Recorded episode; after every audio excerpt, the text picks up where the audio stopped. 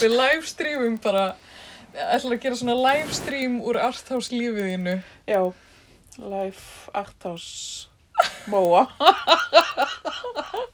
The Movie Moa the movie. Já Ú, heyrðu, býttu nú við, þú ert hérna mætt Aldrei svo vant Er, sagður þér nákvæmlega það sama í byrjunum og síðast? Ég held það Já. Er þriðja dagar í dag Það er þriðudagskvöld Og við erum í Studio Barnaby og við erum Lóa og, Móa og við erum Frú Barnaby Barnaby. þátturinn sem kafar djúft og ný mm, suma hluti. Einstaka hluti Manstu þegar að það uh, fóstbræður er djókn? Nei, þú fýlar ekki fóstbræður.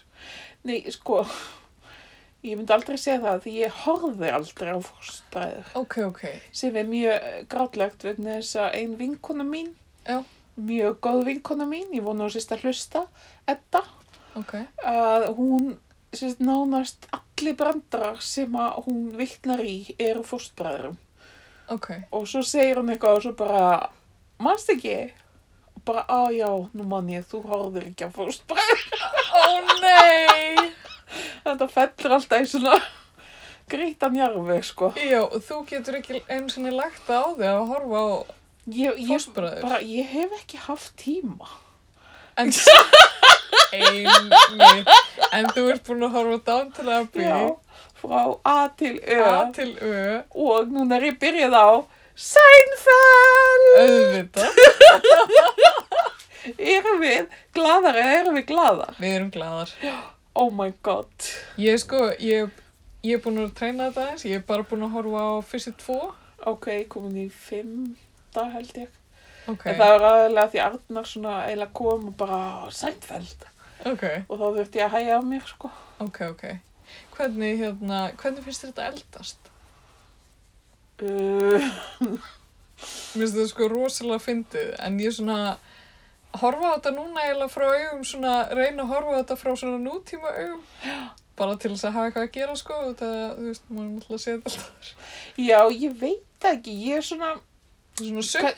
það er kannski ekki hægt að ég hef Nei. kannski ekki mæli hvað ráða þetta. Nei, að því ég er svo gummul að, já, eða þú veist, þú ert náttúrulega af annari kynnslóð. þetta er, ég er af þessari sænfæld kynnslóð, þú veist. Tengiru við einhvern karakter í Seinfeld? Ert þú einhver þannig? Um, sko, ég, náttúrulega, ég bara dyrka á alla, þú veist, á mís mikið á hverjum tíma einhvern veginn. Já, Ég, ég, ég dyrk, stundum fæ ég svona kreimuræði, stundum er að George já, og Elaine, þú veist, það er Já. einhvern veginn, ég get eiginlega ekki gert upp á milli þeirra því þeir hafa öll eitthvað svona, mér finnst sko Elaine bara alveg uppáhalds. já, minn, mér finnst hún alveg svakalega fyndin og mér finnst eiginlega all bestu djókin vera eitthvað svona úr hennar lífi já, en svo finnst mér sko Kramer vera svona close second já, ég, já þú, ég get ekki, eh, þú veist, mér finnst bara þetta svo að sé börni mín, sko. ég hérna, em í átningu, ég hata George Hattar George, ég get ekki George, oh my god, þólan ekki hann er svo fyndin, er það?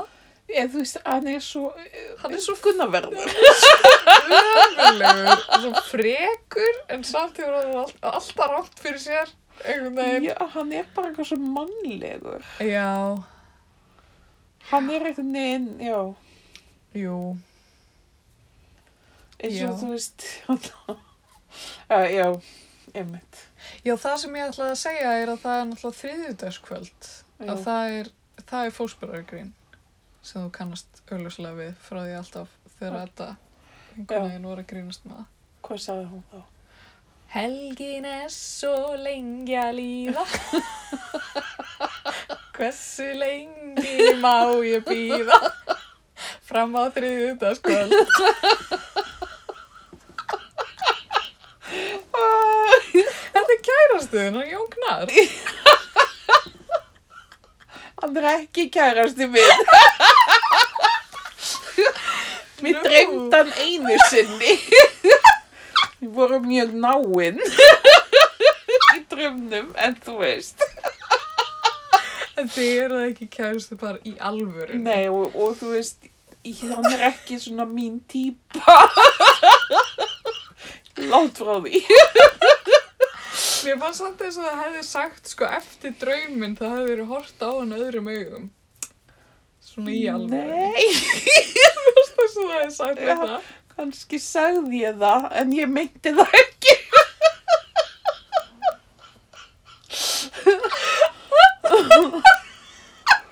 Það ég veit ekki, sagði ég það. Svo segir maður alls konar bull. Já. Þú Maður veist, gerir ef maður það. væri ekki að taka þetta upp, þá myndi maður svo sem komast upp að. Veistu, ég hef einmitt verið að velta þessu fyrir mér af því að núna er svolítið langt síðan við tókum, þú veist, fyrsta þátt af frú Barnaby. Já, þú veist, að erum við ekki búin að segja bara alls konar bull og, og það er allt skjálfest þarna Já, já. í þessum gagnabanka Já. af, af fáránlegum hlutum sem við höfum talað um. Já. Gagna bankjafáralum hluti sem við hefum talað um. Þetta er svona ævisaga frú Barnaby. Já, Hún mun heita þetta. oh my god, ég laka svo til þegar við erum að skrifa æfisuguna og hún verður öll eins og kapsjónin sem við skrifum fyrir hvern þá. Já, já, já, já. Sko, hlustundu góðir, þið eru sko að missa af miklu ef þið eruð ekki að lesa litlu textana sem við skrifum um hvern þá. Já. Og líka sko titlarnir eru allir úr smiðju viðalógu. Og hérna, Titlarsnillingur. Þetta eru bara svona lítil ljóð sem við skrifum. Titlarsnillingur, þau nánast býðu dóðaleg.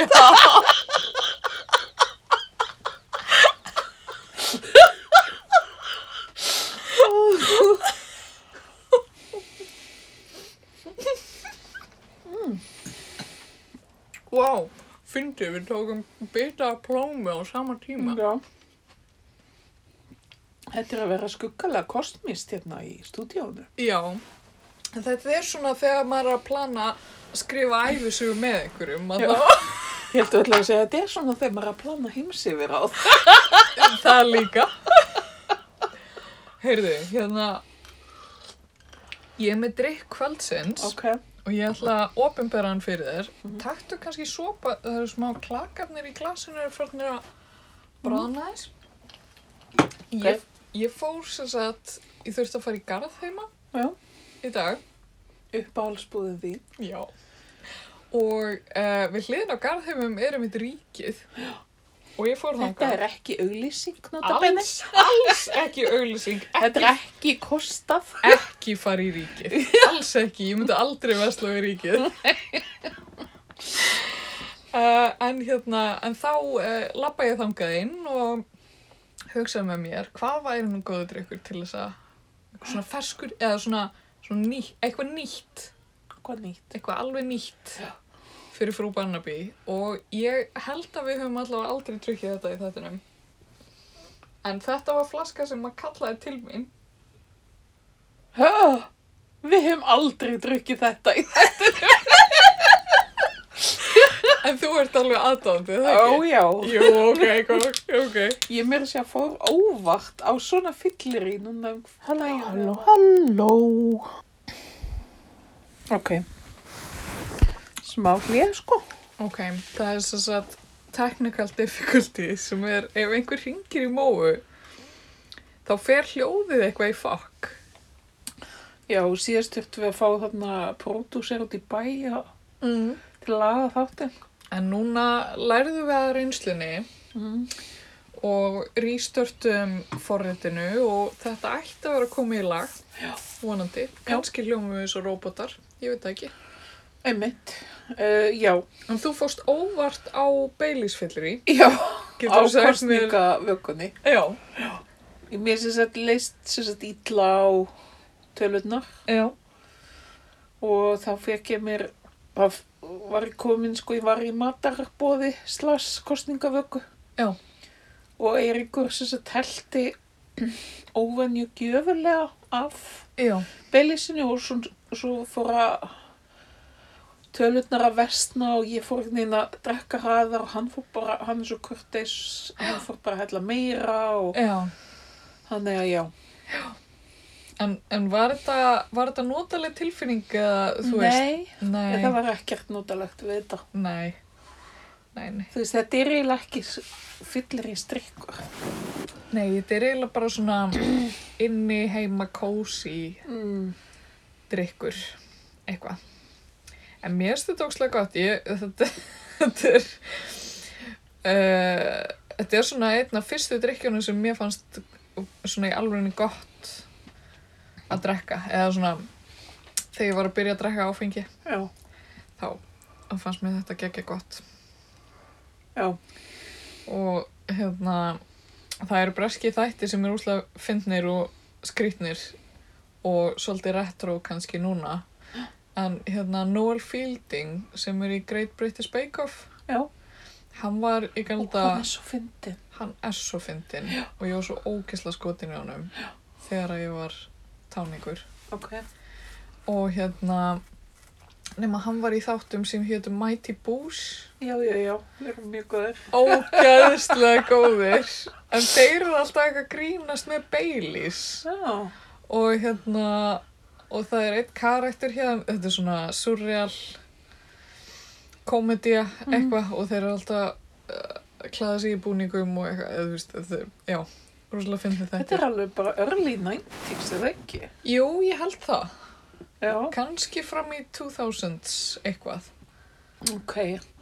Sko, í Þísklandi, í Berlín er til Baileys sem heitir ekki Baileys, heldur Holiday. Já. Og er svona, þú veist, það er allt lókar alveg eins, sko. Uh, Það var pínuður þessi. Það heitir Holiday og miklu ódýrara. Typist. Þjóðverjanir.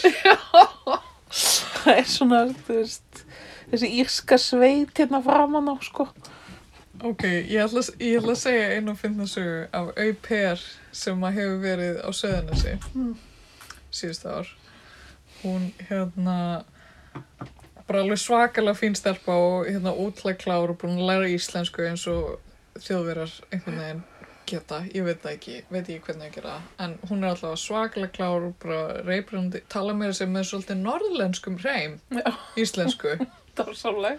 dásamlegt og bara frábært stelpa og hérna Marti Hanspunni en, en hún er sem sagt að byrja núna á Hvanneyri Já, í einhver svona bú, bændaskólanum. búfræði eitthvað.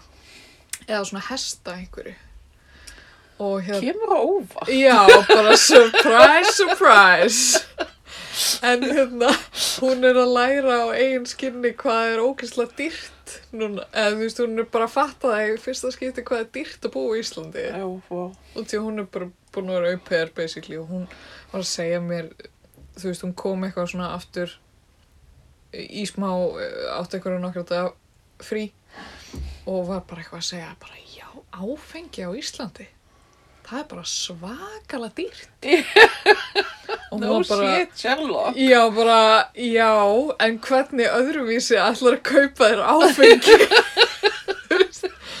og hérna hún var eitthvað að tala um Baileys einmitt, af því að hún elskar Baileys Já, já. Það var svona Ætli hún hennar. þekki Holiday. Já, það hefur nefnilega, áp, hún er ábyggla verið að segja mér frá þessum drikk því að það er sko miklu ódýrar að drekka í Þýskalandi var hún að segja mér. Bara já, já, ég skal rétt trúa því. Bussi. Hvað drakstu þarna? Hár? Ó, guð. Er hár í klakanum? Új. Þetta er pínu ógeðfælt. Þetta er svona bannabönnum, sko. Oh, trigger warning. Mm. Já, Láttu þessu eins og þetta hafa aldrei gerst. Já, Ó, ég reyna að gleyma þessu núna. já. Er, hvert var þema þáttarins? Það er hérna eina plómu meðan þú veist að gleyma. Já.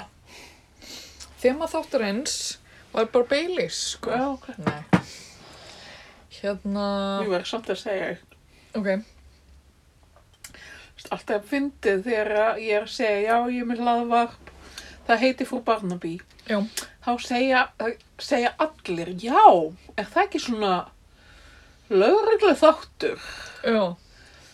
Er það þarna fjallaræði Midsummer Murders eða, þú veist, Barnaby ræðu gátina eða, þú veist, fólk segir eitthvað Já. svona. Já. Hún bara, já, meðal annars. Það er svo erfitt einhvern veginn að útskýra fyrir fólki Já. að, að þetta er einhvern veginn já og nei. Já. Af því eins og Barnaby þá erum við í raun og veru bara að reyna að fjalla um hverstaginn.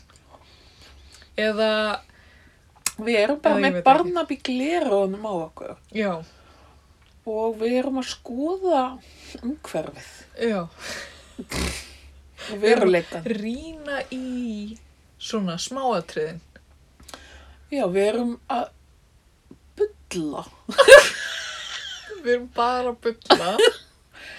En- á samt uppbyggilegan og gáfulegan hátt. Já, ég meina Barnaby, þú veist, er ekkert eitthvað svona raunverulegur þáttur. Þetta er, ekki Nei. raunverulega, eh, þetta er ekki svona raunveruleika, þetta er ekki svona eitthvað svona sænskur morðþáttur, það sem að, Einmitt, og þú veist, hvað er líka raunverulegt? Ef að Mm. fara eins út í það? Nei, tjók.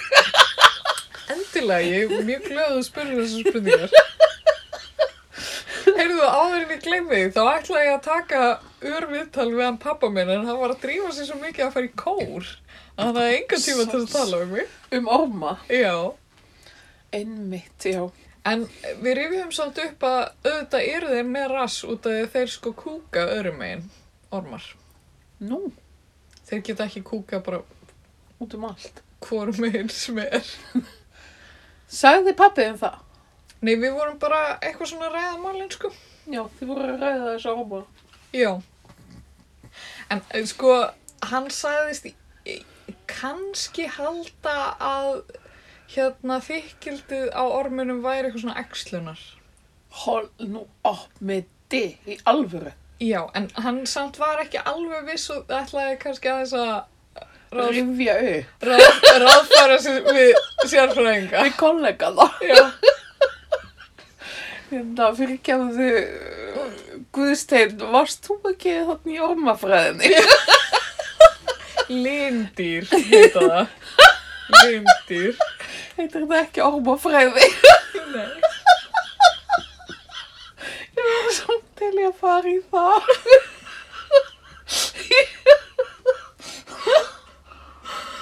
Jæja, fyrsta dagskrá í Ormafræði 101 er... Rass. Hvar er, hvar er rassin á þeim? Og hvernig maður á að forðast að ruggla rassinum við höfuðu? Og þú veist, en talar eitthvað um þetta ef maður- þegar maður sker orma í tvönd. Eður, við, við náðum ekki alveg þangað. Það er alveg ljóst að við þurfum að taka lengra við tala við pappa.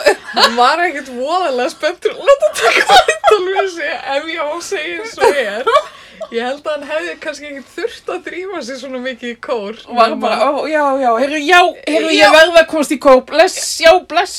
Ég, ég hef aldrei vitað til þess að hann var í kór Það var að bjóða þetta til. Svo bara þaut hann eitthvað út Nei, tjók, hann er í kallakórnum Ú, Já Kall- Kallakórar eru svolítið svona eins og, eins og frímúrarar, sko já, eða það. Þetta er svona, þetta er svona men's association, þetta er sko Ég, það eru kallakór, það er kallar í kallakór. Já, það eru kallar í kallakórum og hann kynnist í, þú veist, eitthvað svona, það er eitthvað pípari þarna og rafvirki og eitthvað svona sem hann getur svona, já ok. hefur svona sambönd við, sko, mjög sneðugt. Hann er annar bassi, hvað sem það nú þýðir. Það er það ekki svolítið svona gott hluta. Þetta er svona ábyrðarlutur. Nei, ég veit það ekki. Ég myndi halda það. Hann er allavega voða flottur þeir syngja alltaf svona jólatónleika eða þegar það er ekki COVID þar að segja. Já. og syngja þér á jólatónleikum í Hallgrímskirkju og pappi er bara dressa, eða þeir reyndar allir dressaðir upp í svona kj- eh, kjólföt Nú var hann kannski á aðfangadag hann á 2019. ekki á aðfangadag sko Hann er ekki í jólamessunni. nei, þeir halda jólatónleika eitthvað nokkur já. mjög flott sko Mm. og svo var sko hvað hva ára er ég að hugsa um? Gæti þetta verið 2019 sem það var að hérna eða 2020 eða eitthvað að hérna þá var svo fyndið þá var einn söngveri sem söng nokkur lög með þeim sem var kona og hún var á svol- svolítið háum hælum og kórstjórnandinn sem sagt, þegar það kemur að læginu þar sem að hún á að vera þá fór hann sem sagt eitthvað svona eh, kórstjórnandinn fer eitthvað svona baksviðs og svona nær í hana eða svona leiðir hana inn á sviðið og allir klappa á eitthvað svona og svo þegar hún er búin að syngja þá leiðir hann hana út Já. Er það... ég veit, ég veit ekki hvort að þetta sé eitthvað svona tákgrænt eða, eða af því hún var á þessum hræðilegu skóm Já, eða, já, já.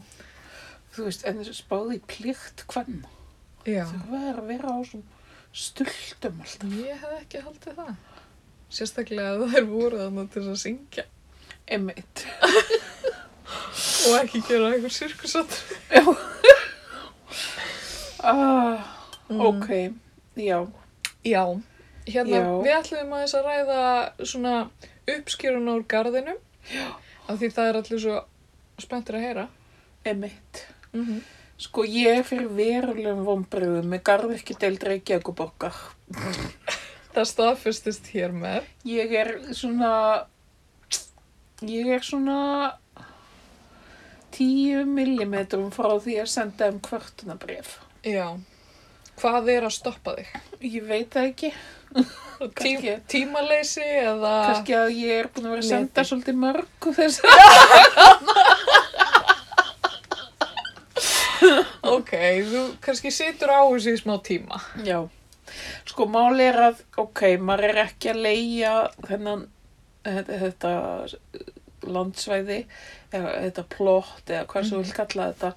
Já. fyrir mikið, þetta Nei. er 5.000 konur, Ok, þannig að það er næs en þú veist, til þessa, svo fæ ég svæði, hvað ég kalla þetta, Já, landskika landskika sem er basically hotnið á öllum skikonum, Já. eða eitt af hotnum, fjórum hotnum. Já, þú tókst við svolítið erfiðum landskika Ég, já, bara alveg umulum sem er í fyrsta lagi umkringdur grasi á tvo vegu Já, sem er að- einhvern veginn að reyna að ráðast inn á skikan já, og svo á þriðji, þriðja hliðin þar er garður sem að er enginn var að hugsa um já, bara í órækt og sem var bara með trillingslega miklu illgresi og svo var konan við hliðina og hún setti bara pappa Já, yfir allt og svo mold á pappan já, og spænsk konu já, ok, og jú, ég held að það hafi mögulega verið aðeins betri hérna hvað heitir þetta, uppskýra hjá henni Já. samt ekkert þú veist að því þá Nei. kemst þetta ekkert niður skilur nei, nei, nei, og ílgresið sem var undir pappanum var að koma svona yfir til mín nei, ach, og þú veist þannig að það var einhvern veginn það var ráðist á garðum frá öllum hliðum já, og ég seti hann niður kartöblur já, og þú veist kartöblur þær þurfa ekkert og eitthvað brjálaðislega mikið nei, já, og sko fyrsta leið þá fekk ég eitthvað dreng þarna sem var á- með svona vél til þess að arfatæta eða hvað sem þetta heitir já, til þess að arfatæta og ég var, vann rosalega mikið í þessum helvítis gika þarna já, já, í vor já, en það virti samt einhvern veginn ekkert duga nei, svo bara þegar þetta fór eitthvað að vaksa Já. það bara tappaði ég í já, baráttunum í illgrisi já. Þetta er og mikil kartöflunar það var mjög lítil uppskýra með að við þú synd. veist Já, og það eru litlar og sumar þeirra voru með klápa, já, já, hvað segir það mér? Jarvegurinn var glataður mm, það voru, þú veist, ég fikk ormjötnar hérna rófur já, allt ormjötið, gulræturnar voru pjúni já, Já, og ég nefn- nefnilega sendi póst á gargjudeld hérna Reykjavíkuborgar í sumar og spurði hvort þið myndi ekki gera eitthvað í þessu með illgresið. já, Og það var bara, já, við kíkjum á þetta. já, Þau svöruðu sko og sagðust alltaf að kíkja á þetta en þau gerðu það aldrei. my bastards. Hmm. Já, ég, mér finnst svolítið svona eins og okkan mín hafi farið í dilinski sko. Já, Þú veist, maður er að kaupa plöntur og maður er að sá plöntum já, og svona. já, Og svo er maður að sk- sjá sko, svolítið þess að þeir eru bara gleymt þessum garði. já, Því það voru svona st- fullt af stöðum sko í garðinum. Sumir voru búin að vinna rosalega mikið í sínum garði, já, þú veist, í mörg ár.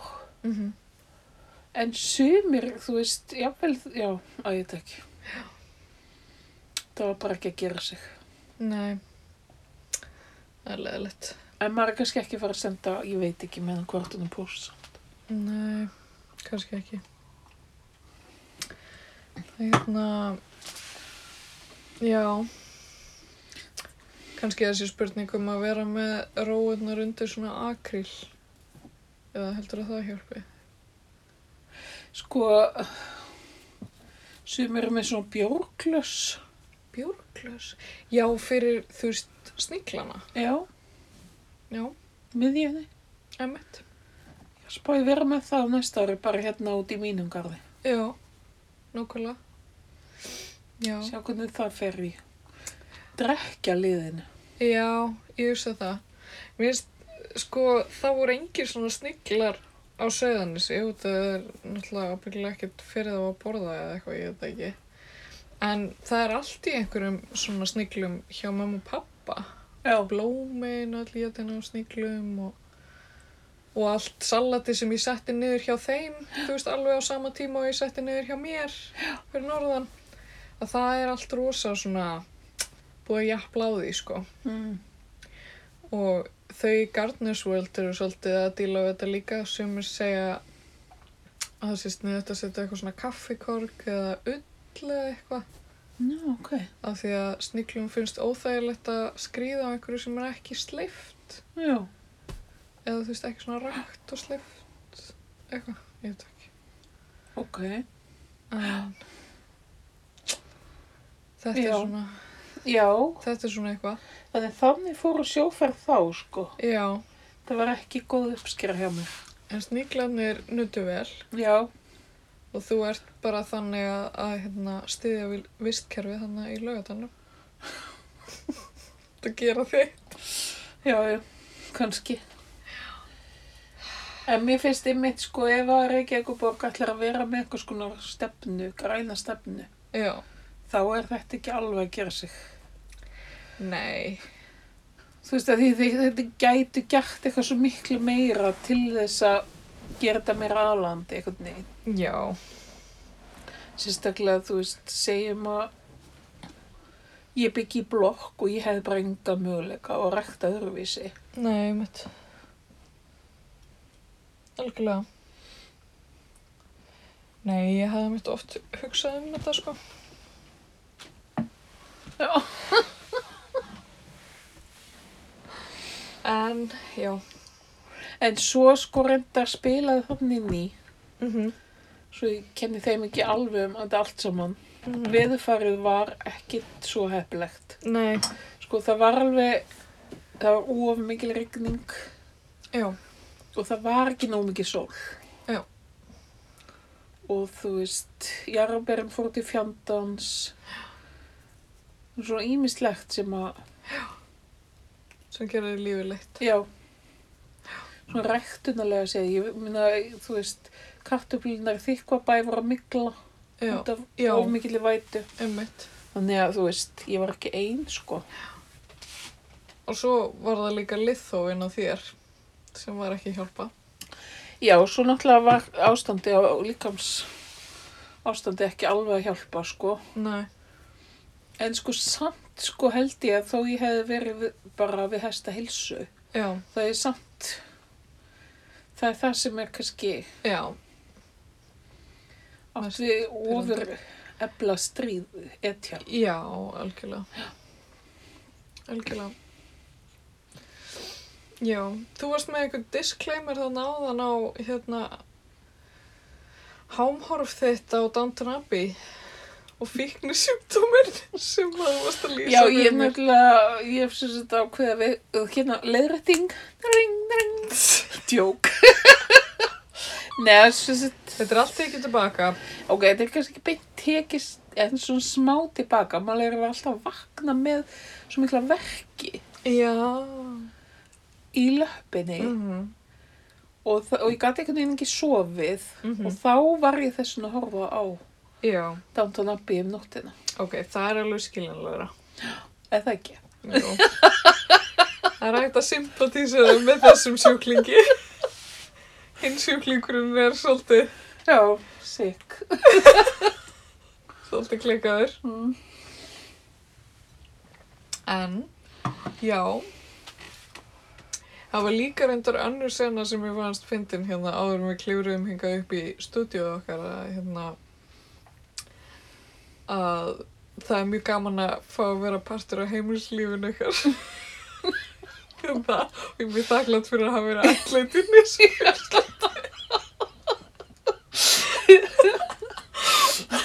og mér var svo fyndið þegar að, að sem sagt, eldri tóttið þið þurfti að fara að læra þá segir Arna við hana hei, akkur lærum við ekki bara saman í það niðri og hlustum á hip-hop og það sem mér finnst svo skemmtilegt við hana er að hún er aldrei að skafa utan að því hún bara, nei, ég ætla að læra uppi Nei, já, það er, það er ekki einn af hennar, það er einn af hennar kostum, sko, hún er Mm. ekkert að skafa utan á því, ég hef aldrei þórað að segja svona er það ekki? Nei. ég er glasað sagt svona, já. Ok, Ég veit ekki. já, Eitthvað svona, kannski aðeins svona meðverkar að svara, ég Já. veit það ekki. einmitt. Við hefum ekki fengið upplöðu þannig, Nei, ekki mikið svo leiðis. við fáum bara að heyra það. Hversi lof. Það er, það er allt jákvætt, svo sem, Já. og sund neikvætt. Oh. En já, þannig að þannig fórum uppskerna Já, og þú varst ánægð með þínu uppskeru. já, að hluta til. Sko, ég held að við höfum kannski talað um þetta Já, þá tölum við um þetta. uh, einhverju leiti. Gulrætuna voru svona 1 cm Já. að lengt. Einmitt mínar líka, en þú veist, -hmm. um, það skjaldflétta sem að ég pröfa hérna sá beint í jörðina hún byrjaði að blómstra svona viku áður en við fórum já. heim það var annað um, hefði geta verið betur kannski tímasett um, rauðrótna náðu ekki almennilega stærð sko Fyrir, heldur já, ég fekk rauðrófur. já, En það eru svona litla. já, það mínu líka Eða svona kannski. Mhm. Hvað þýðir það? Get ég borðað þér? Já, já, Ok. ég það. Já, já, við tókum upp eina sem var stærsta en hún var svona s- svona, ég veit að það er rosa gaman að hlusta á þetta. Eða ekki. En hún var svona eins og þegar að þumallin hittir vísufingurinn. Á svona meðalstóri hendi. Já, bara svona, eða kannski frekar lítilli, eða ég veit það ekki, já, meðalstóru hendi kannski. Um, en já, hún var svona svona stór og við settum hann í salat bara í svona einhverju vinnigrett. Álega gott. Mm. Svolítið svona þétt, sko. Já. En alveg góð. Já. Gaman að vita að maður rækta hana, Já. ef eitthvað. Um, uh, jú, sko, og svo gekk ekkert svo vel með grænkálið. Og það var út af einhverjum helvítis fuglum. Já, minnst þetta mjög skrítið. Þetta er furðulegt.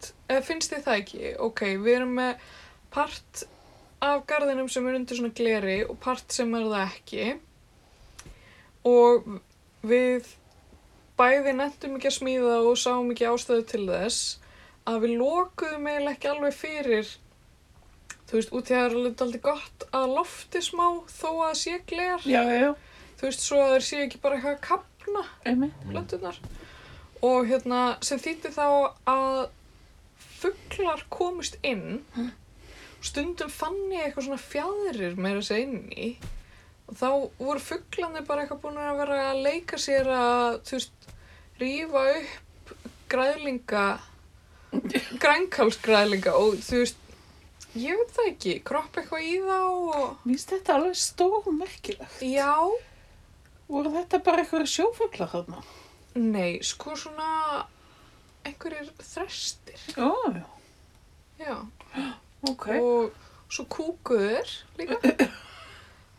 Það er náttúrulega, það er ekki eitthvað svona gott til að láta Jú, það bíla, mér veist, ég tók því samt rosa persónlega, þú veist, Já. og þegar voru búin að vera að rífa upp grænkála og svo bara kúkuður á, þú veist, rauðrótnar einhvern veginn og ég eitthvað, þú veist, þið þurftu ekkert að kúka hana, sko. Nei. Gáttu alveg gert það einhverstaðar annars staðar. Algjörlega. Þannig að, þú veist, það er svona ýmislegt í þessu. Ég veit ekki, ég veit ekki okkur að vera að ganga svona illa hjá grænkálinu, ekki nema að það hafi hreinlega bara verið oflýtt fyrir það. Sem mér finnst Já, ég ólíklegt. held að það sé hljóta við rástæð vegna þess að viðst grænkál þóla nánast allt. Já, emitt, ég ætla sko ekkert að vera, þú veist, ég pröfaði að setja grænkál bæði undirglir og, og líka í opna og ég hugsa að ég sé ekkert að, þú veist, eða, hérna, plási undir glerinu fyrir grænkáli Nei, nei, nei. Alls ekki. Nei. og gerðum mér að segja annað beð, sko, Nú, í loksumars sem að við ætlum bara að planta í á næsta ári, vá, hvað er það? Á samstæðan bara. það er bara við hliðina. Ok. Og hérna fengum fullt af hérna hrossaskýt og settum í það. Þannig að hann verður búinn að svona marinirast yfir veturinn og, Áhugavert. og notuðum þessu svona hrauk aðferð. Hefur þú heyrt um það? Já, þetta tala um þú veist svona, Já. Eða þú veist, þar sem maður setur sem sagt, svona trjából undir. nú, nei, þá er ég að ruggla. Það, hérna, maður setur svona, jú, þau eru oft svona upphækkuð, sko. Já, En hérna, við reynda að gera það ekki, ég veit ekki hvort að það skipti einhverju máli. En settum svona trjából undir, þú veist, bara lengst ofan í jörðina. Og þá er sko trjábólurinn í mörg ár að, þú veist, verða að moltu. Býr til hita undir. já. Er ekki verið að tala um líka eitthvað svo nýtur? Getur það verið? Já, ábyggulega eitthvað svoleiðis líka. Nú að tala um það í sko moltugerðinni. Já. Þannig að, ætlum að pröfa þetta. Ok, þetta er áhugavert hérna og tilraunastar þarna á Langanessi. Já, við erum að gera hvað við getum. og hérna, og sjá, sjá hvað við getum rækt að það, svo, svo náttúrulega pottið verið ógisla vond við á næsta ári, eða þú veist, ég veit það ekki, sé það fyrir mér, allavega. Það er ekki á vísanar og með veðrið, svo það getur verið að ef við setjum eitthvað neður á næsta ári þá verður þetta einhverja algjörbömmir að ekkert koma upp og Já. En ég fekk líka ekkert af jarðabörjum. Nei, nú. Nei. Bara planturnar sko í fínu lægi, Mm. en það kom bara engin jarðabör. Já, býtið þú varst með þarna húsasmiðju. Jarðarber. Já, Já. ég náði nefnilega ekki, náði nefnilega ekki að, hérna, að hrinda því verka að hitta hann vindin. Sko, já, hann segir það sko að jarðarberinn svona sem að maður fær, þessar plöntur sem maður fær, Mm -hmm. eru oft hollenskar, danskar Já. og þær, þú veist, þurfa eru með miklu meira hýta. Já. til þess að gefa ávexti og eru vanar þú veist, ja, þú veist Já. þannig að ég veit það ekki Nei. Og líka sumarinn eru bara hérna allt og stutt einhvern veginn. Já. Já, já. Þannig það eru svona, já, kostur og gallar í þessu, en það var mjög, mjög stóðu mjög skemmtilegt samt og við fengum upp fullt af salati og vorum að borða þannig salat úr garðinum bara alveg í einn og halva mánu Mm. sem var rosalega næs og sérstaklega út af því að þú veist grammiti sem er í búðunum út af landi er þú veist, ekki það að ég sé eitthvað að tala niður kjörbúðina eða eitthvað endilega en þú veist, oft er grammiti bara subpar Já, hreinlega bara út af því að það er þú veist, erfitt að flytja hluti með landflutningum langarleiðir já, og... já, ég meina að þú veist, græmyndi sem við fáum hér í bónus er ekkert endilega neitt eðislegt. Nei, nei, Og þess vegna er einnig var þarna Östurland co-op til. já, Að því Ok. hann var bara svo leður á græmyndinni hann á seðisverfi. já ég get alveg trúið því Þannig ég er, ég er ekki hissa á því. Nei, emitt. Já, þetta er svona stundum, þú veist, stundum er mjög gott, en það er ekki einhvern veginn hægt að reyða sig á það. Já, já, nei. Og það er alveg svolítið af fólki sem er byrjað að panta núna Austurlands fútkóa. Já, þetta er komið Fyrir út um norðan. all land, sko. Ég fekk nokkur sinnum sendt í sumar, rosa næs. Nefn að það voru einhverjir interns sem að sendu mér celery í staðin fyrir celery road. Já, heyrðu, nú- ég, ég fekk núna seleri og seleri rót Vá, í síðasta kassa það var heldur þess. og, Þú ert nú aldrei að borða celery. já, og sko það er, þú vissi það, að það er hérna tólla dæmi á, það er sko seleri skortur á landinu. Ó! Þannig að, Ef eitthvað vantar celery. já, Aha, ok. það var sem sagt uppskerabrestur á íslensku seleri Jú, ég, og það var eitthvað svona hár tóllur á, á innflutu. ah, jú, ég vissi þetta Já, já, fyrir ekki. Já, Pappi var búinn að fara í margar búðir og leita selleri. já. Nákvæmlega. Já, hvað var uppskýrabrestur á bara mörgu á Íslandi eða þú veist hvað? Já, verðist vera sko. Náttúrulega Suðurlandi er mjög mikið af framleiðslu. Já, Ég veit ekki alveg hvað gerist með sellerið. já, synd. Jepsri! Já. hvað ætlar að gera með sellerið sem frúin í hambúrgaður? Herru, ég er að spá í að búa til sem ég hef smakkað einu sinni Mm. því ég fekk núna selleri rót og svo fekk ég svona Jerusalem, Artichoke. já, Já, hérna jarðskokka. já, ég er að spá í að búa til svona mús. Ó. Ja. Já, það er rosa gott að gera selleri róta mús. Já, emmitt. Og nota bara fullt af smjöru og rjóma. Mm. Og ég ætla Saltpipur. að gera sko selleri og jörgulissalabla. Já. Já, það hljóma vel. Það ekki. Ég Jú. En selleriði sjálft. ætla að Arnar noti það ekki eitthvað. Já. Ég nefnilega var í stökustu vandræði með, þú veist, út af að, hérna, Austurlands Food Co-ops sendir manna ekki bara selleri, heldur, þú veist, selleriði er bara Já, svona stórt. einmitt, já. Metir að lengt fyrir hlustendur. Já, uh, og tók upp rúmmál hálfs ískápar já þarna. hann er nú á- ekki stór í skapurinn á langanessi. Nei, því meður því meður og hérna og við deilum ískápnum með safninu líka af því að það eru Já. veitingar Einmitt. það er alveg heil hérna hilla sem er bara í vöfludegið og allt sem því fylgir sko Já, já. Þannig ég var svolítið í vandræðum með að hafa fengið celery sem að ég vildi ekki fá og um, líka, þú veist, mikið að laufum á því og ég var að spá hvort maður geti eitthvað að nota laufin líka. Sko, maður getur nota það í svona, hvað heitir þetta? Svona búst og svo leis.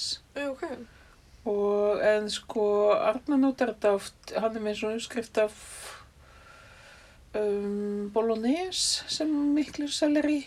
já, og Ég potaði svo oft onni í einhverju svona pottrið Já. og eitthvað, en maður er ekkert alltaf að gera pottrið nei, ég mitt sérstaklega kannski ekki á sumrum. Nei, Svo eins og er þetta mjög- náttúrulega, mér finnst þetta mjög gott í salat sko. já, ég var að mitt að potaði bara svona svona smátt skortnu, eða svona þund skortnu í salat, sko. Já. Og náða að klára þetta, sko, en þú veist, það var alveg með herkjum eða þannig. Já. Þú rétt náður að nýta þetta. Já, ég, En ég, ég segi það sko, ég er, þarna, með, þetta er ekki, þetta er ekki auglýsing. nei, En ég sitt annað hverja viku með Austurland Food Co-op já, og maður er alveg að ná með herkjum að klára þetta sko. mm, já. Því manni finnst líka ótrúlega sorglegt að vera hend einhverju svona. Ég, það er bara hæðilegt. Já. Já. Já, þú veist, maður, maður hefur einhvern veginn ekki jafn mikið samvinskupið að henda einhverju, þú veist, miklari appelsinu sem var kannski aldrei neitt sérstaklega góð til að byrja með, Einmitt, eitthvað einmitt. bónus, Já. þú veist, eitthvað svona. En þú veist, þegar það er bara búið að nostra við þetta og þú veist, eitthvað svona. Þú veist, láta þetta vaksa lífrænt á lífrænan hátt sem er bara eitthvað svo miklu erfiðar og miklu umular og það er kannski illgresi og eitthvað, þú veist eitthvað að herja eh, einhverja pöttur eða eitthvað og þú veist, og svo kemur þetta til Íslands og er selt í gegnum þetta flotta fyrirtæki og, og við erum ekki sponsorar by the way við erum bara mjög Við passionate ættum að vera sponsorað. ég hugsaði þetta um daginn, veistu bara ringja í það og segja heyrðu, við erum alltaf að tala um fyrirtæki eitthvað, Já. við erum líka bara að gefa okkur kassan allavega Nefnum á það, við ættum að vera með svona Patreon síðu. já, einmitt, allir útlensku hláðurskjörumennir er einhvern veginn með þetta svona pay Ég er búin að Patreon. hugsa þetta svolítið að því ég he- er að lusta á svona amrist hlaðvarp Mm. og þeir eru alltaf að tala um Patreon. at patreon.com Já, slash að þú veist, við ættum að framleiða, þú veist, gott ættum við að framleiða svona bóli með Já, logoinu og svona definitely. eitthvað svona, eitthvað svona kvót já, gerum það og svo var, já, svo var ég að hugsa, hérna, bolla, ok, ég er strax kom með kvótið sem við setjum já. þú setur ekki botox í heila Já, ég hugsaði líka um þetta kvót. það er ekki hægt að fá botox í heila Já. eigum hann í hvernig það var Já, um, við eigum alveg fullt af gullnum Mm. settingum mm -hmm. þarna. Þú veist, hvað getum við verið með meira? ég man það ekki, það er svo margt gáðulegt sem við hefum sagt Nei, ég meina af... já, vörum. merch Merch. við getum verið svona, með svona tote bags Já, já, já. já. sem væri kannski svona svipaður og búarleitnir eða eitthvað Já. Nefnum svo það. getum við selt gleru Já, af því það er náttúrulega logoð okkar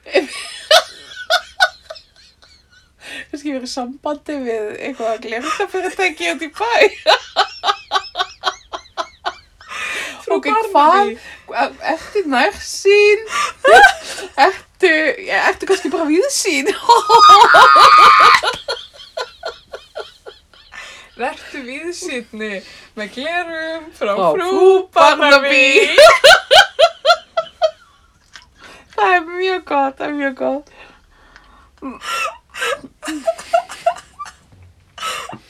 Já, ég, ég kom svolítið þannig. Ok, Ég ætla að hugsa þetta mörts. en sko sumir, hérna, sumir hláðskjaramann sem að eru með svona Patreon, uh, þau eru að gefa út, þú veist, auka þætti fyrir þá sem borga. Já. Við erum samt ekki í því, af því við erum ekki kapitalistar. Nei. Nei. Ei, auka þættir sem eru svona enga þættir. Ég bara þættir sem að bara þeir sem að borga geta hlusta á. Já. Það getur verið Það alls. var óslega fynd. Það getur verið bara svona upptaka bara úr heimilislífinu eða eitthvað. bara, Ísól, hættu þessu, slögt á þessari gráð þesta músík. Eitthvað svona, eitthvað svona. Það er nú að læra. Já. Er einhver búinn að gefa ketturum að borða? Ég- Setning sem ég oft sögð. Og, og þú væri svona svo heimilislífinu frá þér. Já. Hvað væri þá svona? Það er, það er náttúrulega, það eru þrýr karakterar núna í heimilislífinu hjá Já. mér. Bara, Það er ég starki og tengda pappi minn. það getur verið svona sitcom út af fyrir sig. Það er mjög fristandi sitcom. Hljómar eitthvað svo ævintýralegt. Það geng, eh, sko, s- eh, sambúðin gengur mjög vel. Þú Ok. okay. langar að taka það fram. Já, En hérna, en þetta er bara fyndið samt líka. Uh, já, já. Bara gætur að loka klósettsetinni, Siggi. Var það eitthvað svona? það hefur ekki verið vandamál reyndar. Nei. Og mér finnst hann, hann bara mjög hreinlátur og hann, hann er samt líka, þú veist, aldrei vanur því að búa með öðru fólki. Ok, það kostur. Þannig að þú veist, það getur verið að hann hafi verið með einhverja svona slæma síði sem hafa svona vanist á honum. Já. Já, ég hef reynda alltaf sagt það að það að búa einn Já. er líklega eitthvað sem er minnst þorskandi Já, sem hægt er að já. að því að þá einhvern veginn tefur maður sér alls konar siði og ósiði Já, og sérviskur. já. Bara, Og- nei, ég geymi þetta alltaf. Þetta er alltaf þarna. Já, og líka, og þú veist, maður verður svona, ég, ég bjó einu sinni einn Já. á lögaveinum Mm. og þú veist, ég ætla ekki að segja að ég reyndar, þú veist, ég vandist ekkit á marga ósiði svo sem. Var það þar sem þú varst með all díunum póstkortin? Já, Já. emmi, þú þekktu svona gangin Já. og svo það var alltaf allt í drasli hjá mér, alltaf. Mm -hmm. nema Mm. einu sinni fyrir jólin heldur ekki að Petrina Rósa við komið Nú, já, og já. tekið til Óumbeðin? nei, eða? fyrir mig bara, ég var mjög þakklátt Vá, dásamlegt. þannig að já, Ok. þannig að já, ég veit ekki en þú veist, ég er að segja, sko, það var ekkit eitthvað það rosalega, fólk er alltaf að segja já, mér langar að búa einn og eins og það sé eitthvað svona Já.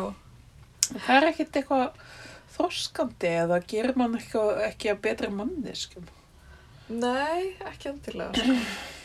Ég reyndar, ég hef aldrei búið einn. Svo ég veit ekkert um það. Það er líka, þú veist, það er svo dýrt að elda. Já, fyrir einn. Já, Ég var samt komin nokkar rétti, svona, ein, eins, einsmanns. einsmannsrétti. Já, afi er svolítið að lenda í þessu þegar hann er bara einn, þú veist, það, hann kaupir, jafnvel ef hann, þú veist, kaupir eitthvað tilbúið þá er það samt og mikið Já, já, einhvern veginn og þú veist, þá endar hann alltaf á því að henda helmingnum og þú veist, þá er þetta einhvern veginn, akkur fyrir hann þá ekki bara út að borða, skilur við. Já. Æ, þetta er alveg, þetta er alveg vandamál já. í heiminum. Að allt er reiknað einhvern veginn út frá því að maður sé partur á stærri einingu, sko, Einmitt. þú veist.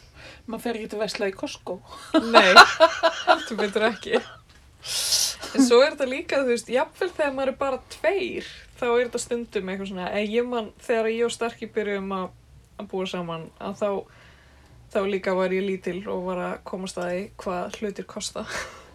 og hérna, og þá fannst mér svo geðveik, þú veist, skuldbending, bara að kaupa eina gúrku. Já, Af því þá þurfti ég að sjá um að borða hana alla. Eða skilur, að, þú veist, þá er það svolítið svona mikið að gúrku fannst mér þá fyrir tvo einstaklinga. já. En ég held að það er líka verið daldið út af því að þú veist, þá var ég ekkert að tíma að kaupa svo mikið svona salat og svo leiðis út af því, þú veist, það er svo, þú veist, maður verið ekkert eitthvað það sattur að því og það kostar svo mikið, Já, einmitt. eitthvað svona. En, nefnir ég alltaf bara salat. Svona er lífið. Já. Ha. Þannig að, já. Skuldbindingar, Skulbindingar, gúrkur. já. Um, Tengdafæði minn, já. Já, það er svona, já, hann er mjög, mjög hreinlátur. Já.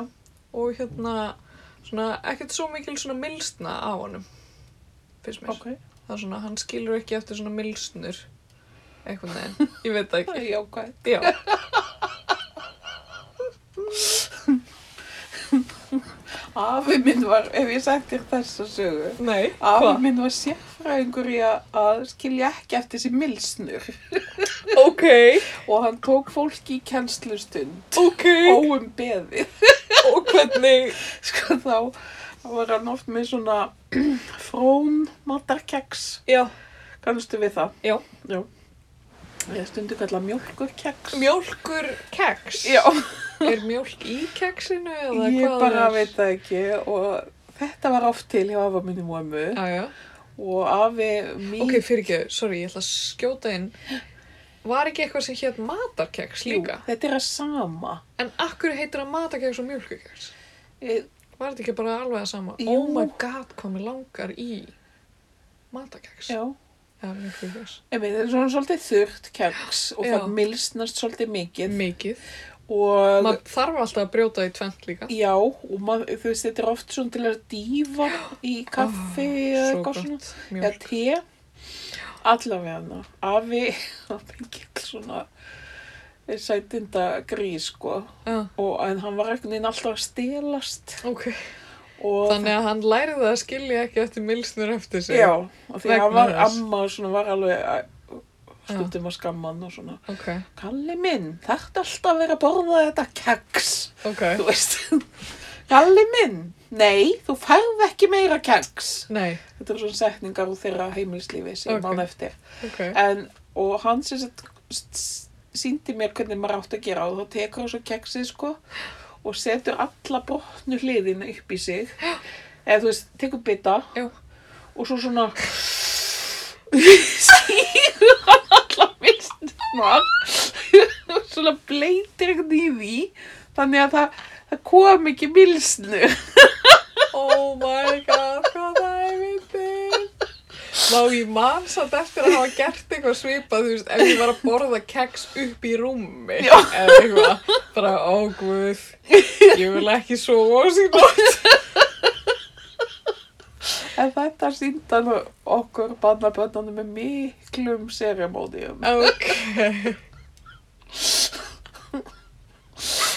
Vá, það er ógæðislega fyndið. Og, og, þú veist, já. Var, uh, þú veist, voruð þið te eh, tekin í kennsluna, þú veist, eða þið voruð að borða keks eða bara svona, bara algjörlega óumbeðin og Já. s- sko sérstaklega því að náttúrulega mátt ekki vera að borða matarkeksin í stofu nei, nei, en nei. afi nei, var nei. sjálfsög alltaf að stelast í það og hann reynda var alltaf að stelast í allt Já, þetta já, og sérstaklega og s- svo kemur að já já svo bara þegar maður er að fá sér svona keks í stofunni þá bara og það er svo lágt sko svo amma myndi ekki heyra sko, ég var nefnilega, ég man ekki, ég var örgulega bara að ræða milsnu við, við svipað, hérna, tækifæri að lýsa honum tengdaföðu mínum og hvað hann var snirtilegur og eitthvað. Þegar að, hérna, þegar ég var að setja upp hana í Gallery Port um daginn.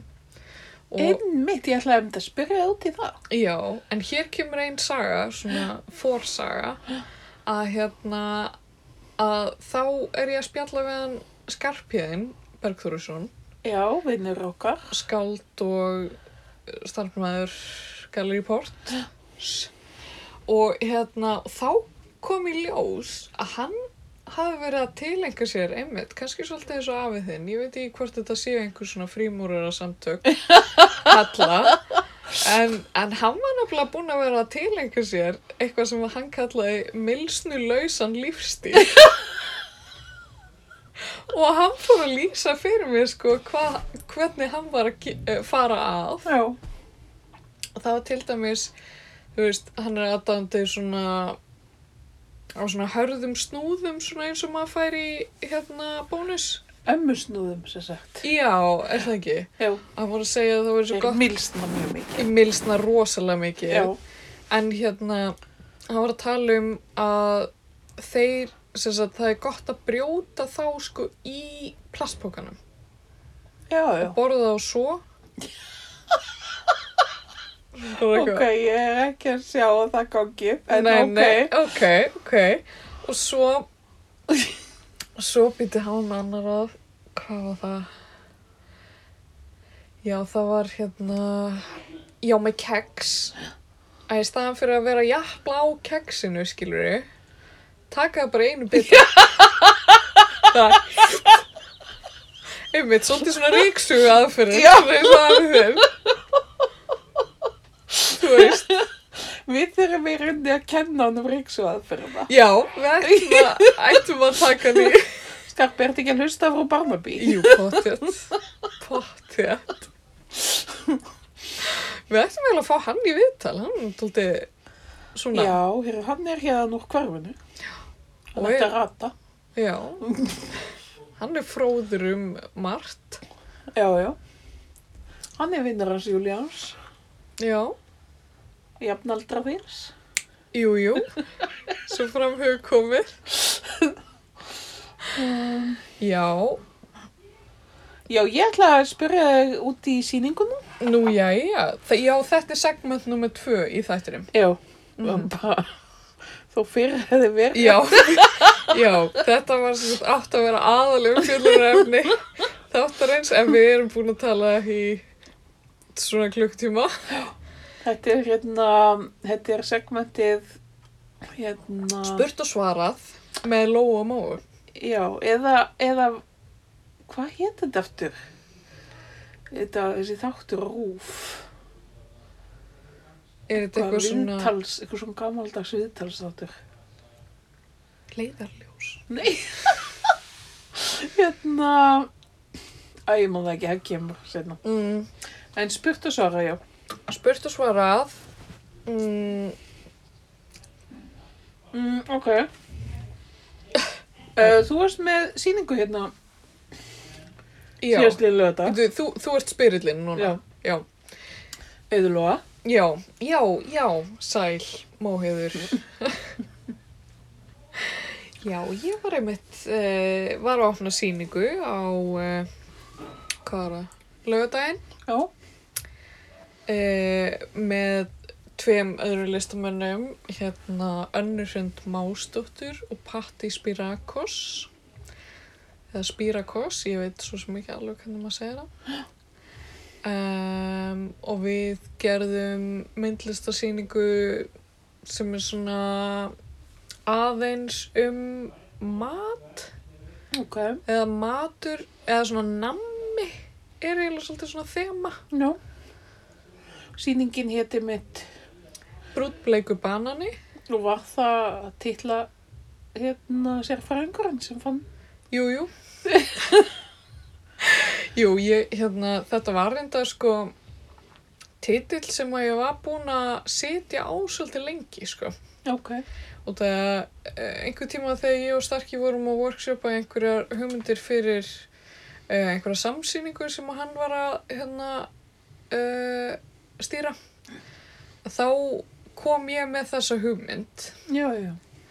og uh, mér fannst hún geggjöð Mm Starka fannst hún svona la-la uh, og hún endaði á því að verða ekki fyrir valinu en þá ákveði ég sko að vera með minn eigin lista af svona rejected hugmyndum Ok.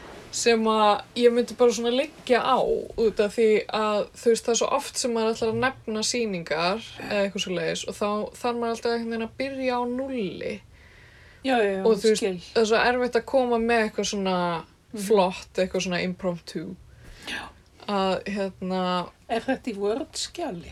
Þetta er bara í, á dræfinu, sko. Já, já, já. Ok. Í, í svona vort skjalið eða eitthvað. Og það eru svona einhverjir... það er einhverjir svona tíu frekar lélitt. Ok. En hérna, Það minnst þið mjög góður textin hans starka aðna já, um sýninguna. einmitt. Já. Ég hefði að lasa hann á ennsku. Já, Ég veit ekki ekkur við að hann er á bæða íslensku Já. og ennsku. Já. Þetta ímynda mér. mhm. Og já, ég er svolítið hrifin af.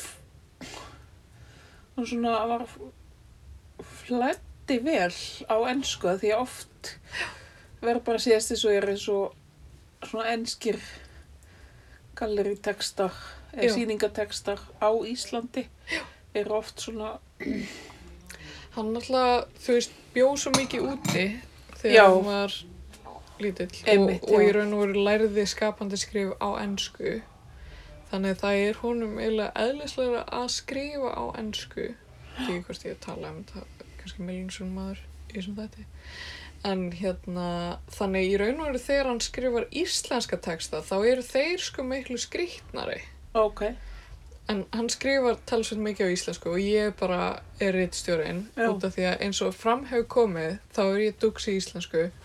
já, hefur það komið fram? Já, Já, ég ok. held að ég, er ég ekki alltaf að vippa þessu fram? Nei, hún er ekki mjög dölu við það. Ekki. Mætti ég gera það meira? Já, Myndi ég gera það meira ef ég væri kall? ég var að mynda að hugsa það, ég held það. Ok. Þú veist, það ætti að vera sko auðlóðalist að maður dúks í íslensku. Dugs í ymsu, myndi ég bara hafa. Nei, hérna, ég er sem sagt les yfir allt sem að, sem Já. að gefur út, sko. Já. Og hérna, og áður en það fer í gegnum virkilega prófarkalesara, sko. Mhm. Út af því að það er oft eins og hann vilji byggja upp setningar á mjög skrítinhátt. Og hérna, Og nú kannast ég, ég kannast mjög vel við þetta því ég er nýbúið líka. já, Við starki eigum það sammeila já, að sko tilfinningin stundum, hún er bara ekki að rík í mér sko. nei, Þannig að sko Arnar hann er með svona alveg intakt tilfinningu já, fyrir íslenskunni já, en hann, þú veist, ef ég myndi segja lýsingráttu nútíðar þá var hann bara eitthvað what the fuck, skilur við. já, já, já. Já, einmitt. Það ég er svolítið að tapa sko tilfinningunni fyrir einmitt svona orðunum eins og lýsingarháttun út í þær eða ég var að reyna að útskýra fyrir þessum hérna þessari au-pair-stelpu Já, eh, sem að ég var að tala um aðan hérna söðanissi. Ég var að reyna að útskýra fyrir henni að sér, þú veist orðið sér, eh, eins og að skemmta sér já, að sé afturbeigð sögn, já, er það ekki? já, jú. Nei, eða eitthvað, nei, ekki afturbeigð sögn, heldur hérna, æ, ég man það ekki, nú man ég ekki einu sinni, Nei, en hérna, eitthvað svona orð sem að er eiginlega ekki, maður gerir þetta, þetta ekki við neinn önnur orð og ég var eitthvað svona í einhverjum mjög miklum erfileikum að reyna að útskýra fyrir henni út af því að ég einhvern veginn búin að gleyma öllum svona tæknilegu já, orðunum. já, já. Já, þetta er ekkit endilega mikið, maður er ekkit eitthvað að muna um þetta mikið, sko, þetta er ekki nótkun. Nei, einmitt. En þá, þá erum við einmitt starki ofta að rífast yfir, yfir textunum hans eitthvað. Ég er að hann segja hann, ok, við þurfum að breyta þessu. Og hann eitthvað, neða, ég ætla að hafa þetta svona. Og þá segir ég bara, en þetta er ekki, en þú gerir þetta ekki. Þú veist, þetta er ekki, Já, hvað, þú veist, þetta er ekki einu svona setning. Það vantar þetta og þetta og þetta. Þú veist, það vantar bara svo margt í að þetta verður setning. Eitthvað svo leis. En hérna, en ég vil samt, þú veist, halda samt í stílbræði hans og það stílbræði hans er að hann er eiginlega útlendingur. já, Að já. koma að íslenskunni utanafrá, smá. Mhm. Um, þannig ég vil samt alltaf halda því smá í textunum hans. Ég vil ekki, þú veist, editera það út. Já, sko, mér finnst þið mitt, ég man nú ekki hvar ég sá þetta, það var eitthvað að tala um þetta, að þessi, sko, þessi rosalega áhersla, Þessi fasismi. já, íslensku fasismi á Íslandi, bara, já, þetta er ekki rétt. Þú bara segir þetta ekki á íslensku. Nei. og þú veist þessi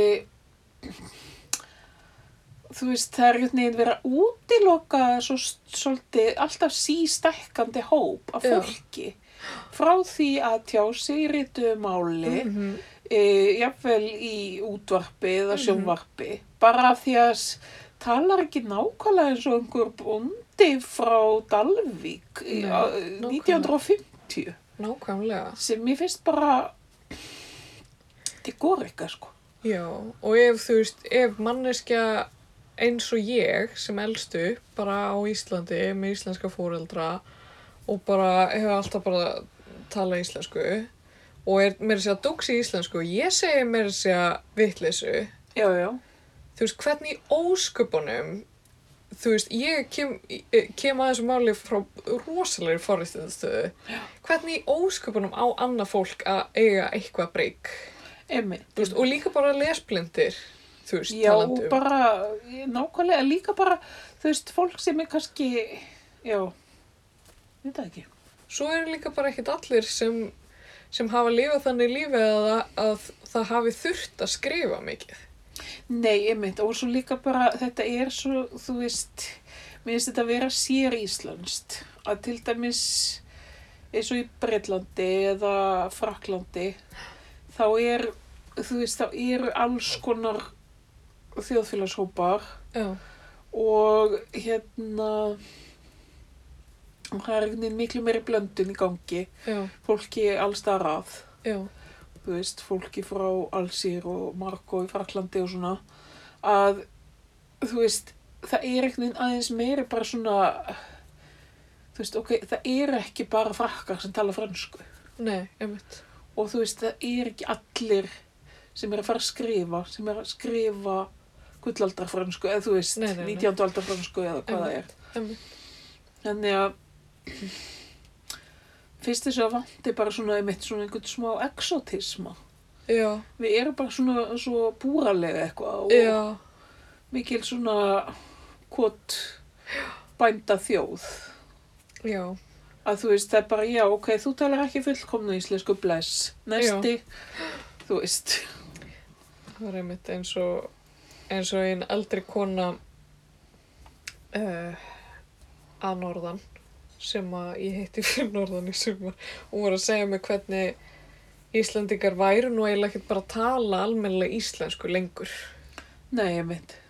og það var svo skemmtilegt þú veist að hún var að segja þetta við mig út af því að hérna út af að fólk að norðan segir þetta mjög gjarnan um fólk að sunnan Já, þannig að greinilega ábyggilega tala ég ekki almennilega, íslen, almennilega íslensku nei, það er, Já. svona, það, er, það er alltaf eins og það er eitthvað svona puritanismi það er alltaf eins og það sé bara ein leið til þess að já, tala Já.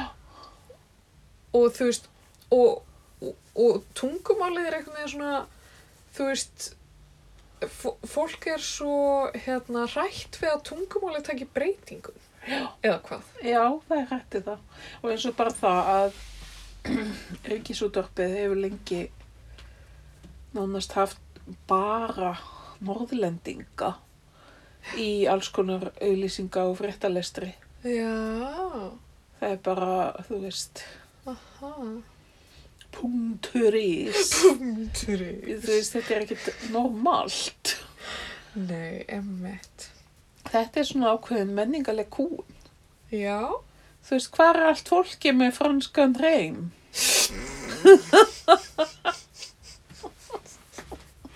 í frú Barnaby Já Allt fólkið Já.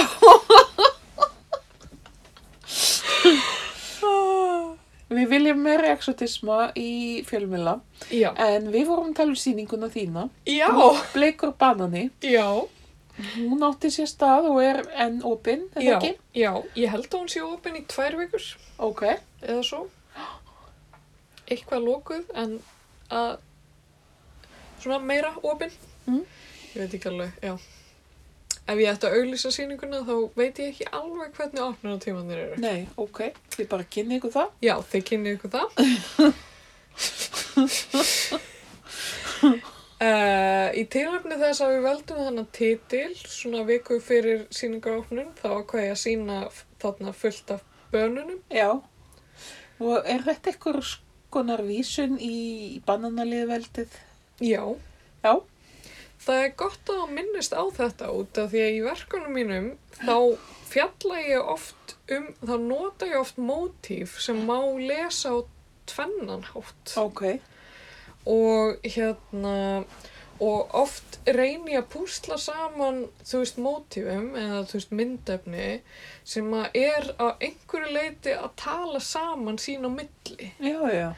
og hérna og eins og í hérna síningunum minni í listasafni Reykjavíkur þá er ég með fullt af svona mismunandi mótíum en þú veist, mörg þeirra voru að snerta á einhverju svona sameilum snertiflötum já, án þess kannski að allir myndu gera sér grein fyrir því. já, já, Þannig eins og, eins og í þeirri síningu þá var ég að mjög miklu leita að tala um kolonialisma já, en það var kannski ekkit endilega það sem að flestir tóku út úr síningunni. nei. Þannig einmitt. bananarni voru þar svolítið sterkir, svona innflutningsvara og svo eru þessir, þú veist, bananabátar sem komu frá, þú veist, Karabíska hafna til bandaríkjana, þú veist, það, með innflytjendur og sínum tíma, um, svo bananalýðveldið, náttúrulega, Ísland. Í- Ísland og svo, svo náttúrulega svona þetta, þessi fallus sem bananir Já, að þú veist, af því að sýningin var líka að tala um feminisma og, og hérna, uh, hérna feminist theory og hérna feminist history já, já, að, að þá voru bananarnir eitthvað sem að, sem að snertu á já, já, sem svona mótvægi eða, já, Eh, komu, komu inn á báða þá fleti já, og svo var ég líka þá með fullt af ávöxtum sem emmi, bæði eru þú veist exotískir Já. en líka vísa í svona kyrralífshefðina já, já, sem að vísar í listasöguna Já. sem að ég var líka að um. fjallum. nákvæmlega, já, þetta er allt bara, þetta er nánast bara eins og ruggleisla frá Þorstinni Gilva. Takk. Þetta Þannig er að- allt mjög svona Já, það, rugglegt. þetta, er, þetta er mjög mikið eins og einhver svona konguloföfur Ég skil. stundum Já.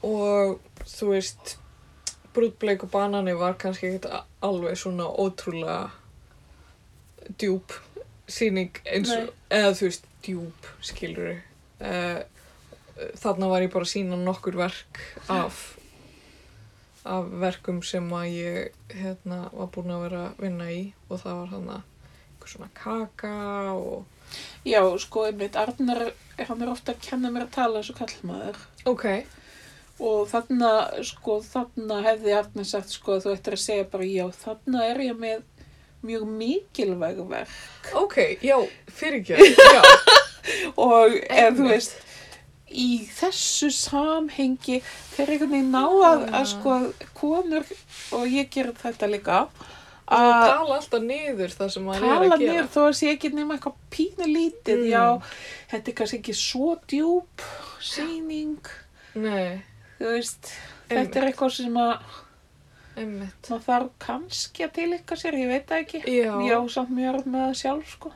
einmitt Einmitt Ok, já, að taka pláss Já, Nákvæmlega Já, þetta er oh, Þetta er svo erfitt Samt einhvern veginn, þú veist, að finna millivegu í þessu að því að þú veist, konur sem að taka of mikið pláss þær fá einhvern veginn alla skömmina eða skilur við hvað ég á við þú Já, veist já. eins og við vorum að tala um í síðasta þætti eins og með Mary í Downton Abbey sem já er það er bara gamla góða kvennhatrið, sko. svona já, sem Það er alltaf mjög stutt í það. já, er alltaf stutt í kvennhaldrið Já, og ef maður er í svona svona delicate geirum eins og þú veist hérna frílans bara öllu sem er frílans held ég, bara ljóðlistakeiranum eða myndlistakeiranum eða bara þú veist, þýðinga eða bara whatever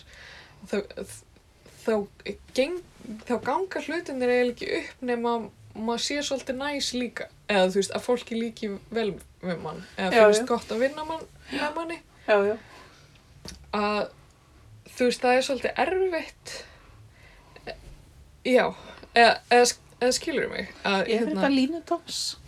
þetta er, lí- þetta er bókstaflegu línudans Það er kannski gott að ég veit kannski breyta símanskráni í, yfir í Móheiðurklíf Gerlistóttir. Línudansari.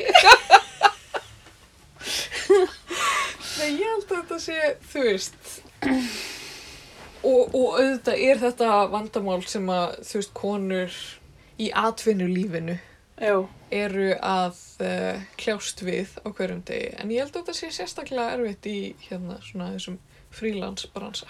En svo skapandi gerum. Já, Já, af því að ef að, ef að fólki líkar ekki vel við þig og finnst ekki gaman að vinna með þér, það fær ekki tækifæri. nei, nei, nei, nei, nei.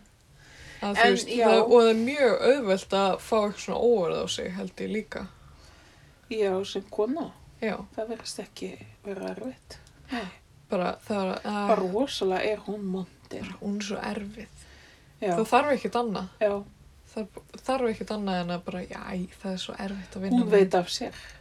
eitthvað svona alveg typist Jæja, allavega en hérna, en þú varst nú að gefa út bók líka Já, já ekki ég sjálf reyndar. nei, pastelri í tröð Já, ég hef reyndar að gefa út bók sjálf og þetta var ekki ég sem gaf þessa bók út. Þetta var ekki Móa Publishing. mér fannst svo bók samt líka mjög flott Það var sko Jussi vinnu minn sem fann upp á þessu uh, hérna heiti Móa Publishing. en já, það var pastelrittröð sem að ég rættu að Norrun Já. sem á í þetta er eitt af fimm mikilvægum verkum. sem gefin voru út að þessu sinni Já, þau gefa út verk á hverju ári. Já. Svona nokkur. já, Þetta, uh, nú er þau orðin 28. já og þín bók heitir Gríseyjar, já ósýnilegt landslag. mm hvaðan kemur titillin svo við byrjum þar Sko, Gríseyjar, það er svolítið langt síðan svo útópía var til. ok, Það var þegar ég var mjög virk í, eða fannst ég vera virk í frelsinsbaráttu færiða. ok þú upplifið þessum partur af- af því Það er sko færiðsku vini mínir voru hérna mjög svona á svona eitt, tvö ár sem voru mjög mikið að hugsa um sjálfstæði.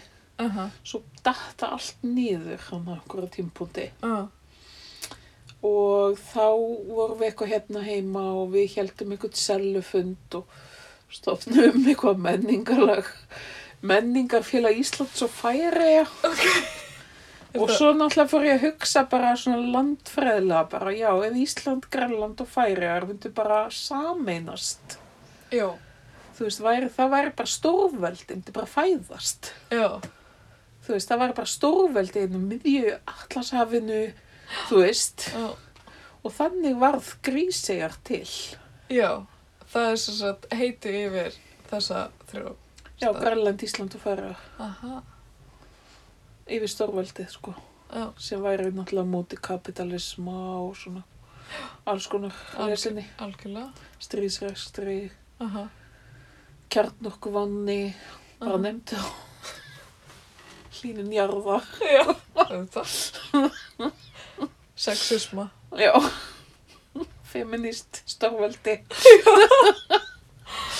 en, en vondafólkið, hvert myndi Já, þið senda? það er góð spurning ég reyndar sko við komst að því þarna snemma á 2001. öldinni að í færum þá var ekki til orð yfir karlrempur Ó, þannig að þú veist það segir manni að feminismin hafi verið komin svolítið langt stutt á veg þar sko. já, held að sé nú komin eitthvað aðeins lengra núna já, ummitt. en ég veit það ekki Ok, en grísar eru, eru þessi útópía. Já. Og... Uh,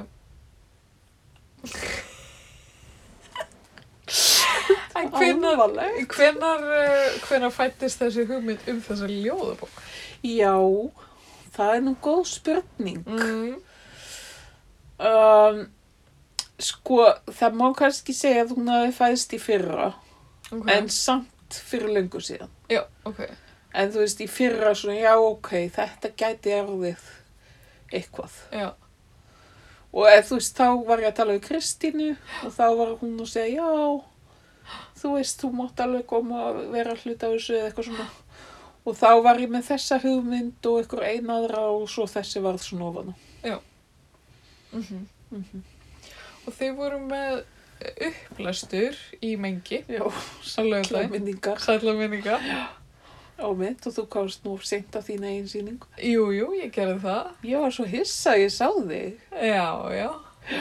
Já, hvað reykir nefið? Ég held kannski að það yrði eitthvað svona drikkir fyrst og ég geti svona Já. skellt á því kossi og svo, svo farið.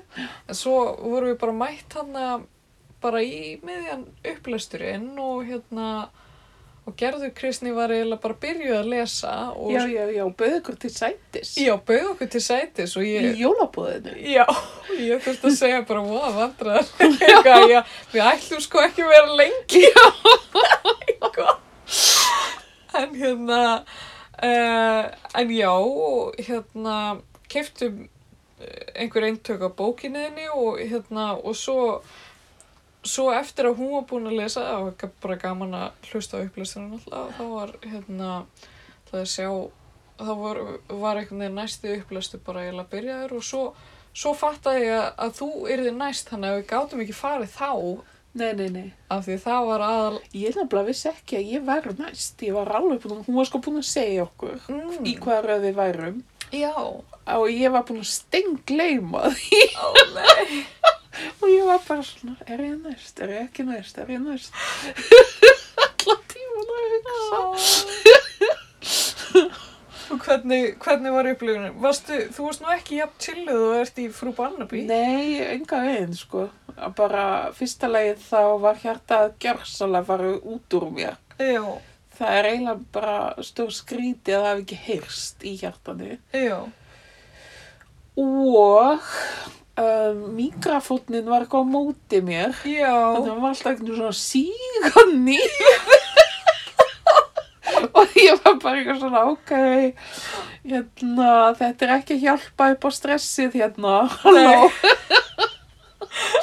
og hérna, svo kom nú Arnar og, og hérna, Bjarga málunum já, já, svo rittarinn sem hann er. Já, mér Um, fannst hann nefnilega svolítið eins og rittari. Hann sagði bara, býta aðeins, hleypur upp á svið, Já, já, það er rétt þegar þú segir það. rettaði málanum. Já, um, og svo bara, já, þú veist, ég lifði þetta af, skulum við segja. Já, mér finnst þetta bara mjög fallega lastir hér. Já, Og ég, sko, ég held bara jafnvel að ég hafi verið meira snortin af textanum út af því að þú varst svo nervus. Já.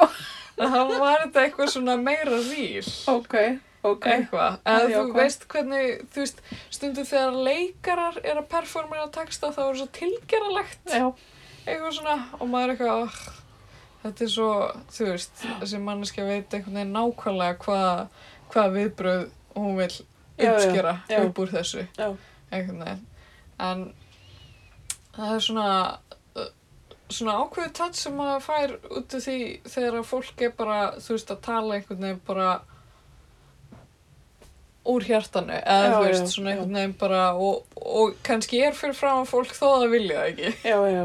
einhvern veginn þannig að, Mamma gjörsalega var að springa og gleði með þetta. ok það var nú gott Já, þú varst langflottur. Bara ok. þú ert nú mamma. mín.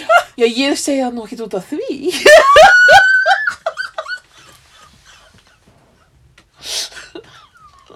og mamma er svo oh my god hún er svo fyndin fórsóleg En já, það er nú gott að hafa hana á svona, á hliðalínunni já, já, það var hana, ég, það var eitt ljós sko sem að var svona eiginlega til hennar sko, sem ég lasast, maður eftir því. uh, já, nei Þetta er cirka bát okkar samræður síðustu eitthvað árin sko. já, Að þú veist, þegar hún er að lesa í bolla. já, jú, jú, jú ég man ekki, því. já, ég hugsaði með því að þetta, já, einmitt heyrðu, fyrirgjöðu hérna Ég nefnilega, mér vant að draumræðningu. Já, Hérna, og ég reyna að channela mömmu hérna. já, mér dreymdi í nótt svo ótrúlega skrítum draum. Uh, ég ætla að fast forwarda aðeins, en nei, ég ætla bara að segja, ok, ég er sem sagt, ég og Starki erum á einhverju langferð í bíl, Já, við stoppum á bensinstöð, já, hann fyrir að pissa, ég hugsa, ég ætla að týna sveppi á meðan hann er að pissa. ok. nýtt tækifærið heyrðu, ok, ég, hérna, að því ég sé líka að það eru lerkitré rétt hjá bensinstöðinni og þar eru oft lerkisveppir Já. og hérna, og ég fer finn fullt af lerkisveppum, rosa ánæð svo er ég bara að labba áfram og áfram og lengra og lengra og, og sé að það eru fleiri lerkitré svona aðeins í fjarska nema svo fatta ég að ég byrja að labba svona upp að öklum eða aðeins lengra en upp að öklum í bara drullu eða Já. svona eins og mýri Ok, og hérna eða svona svolítið eins og svona ameríst svona svá ok. svona Drulla er náttúrulega alltaf góð, sem mamma segir. ok og hérna það er gott en hérna svo eru lerkitriðin sem að voru þannig fjarska eru bara standa bara upp úr drullunni og það er allt fullt af lerkisöpum í kring nema þeir eru allir standa bara einhvern veginn í drullunni skilur og hattanir að þeim eru í fínu lagi en stilkanir eru allir bara gegn sósa á vatni og drullu Ok. og ég, Ég myndi hugsaði nú bara, ætla það að þú væri bara að verða mjög rík. ok, Það er svona það sem ég les út úr þessu. hvað hvað er gott að heyra Ég, já, ég, ég sé fyrir mér einhvers konar mjög mikla fjármunni. Þetta er ykkur uppskera þannig. Já, Þetta var, en ég ætla samt að spyrja mömmu út í þetta.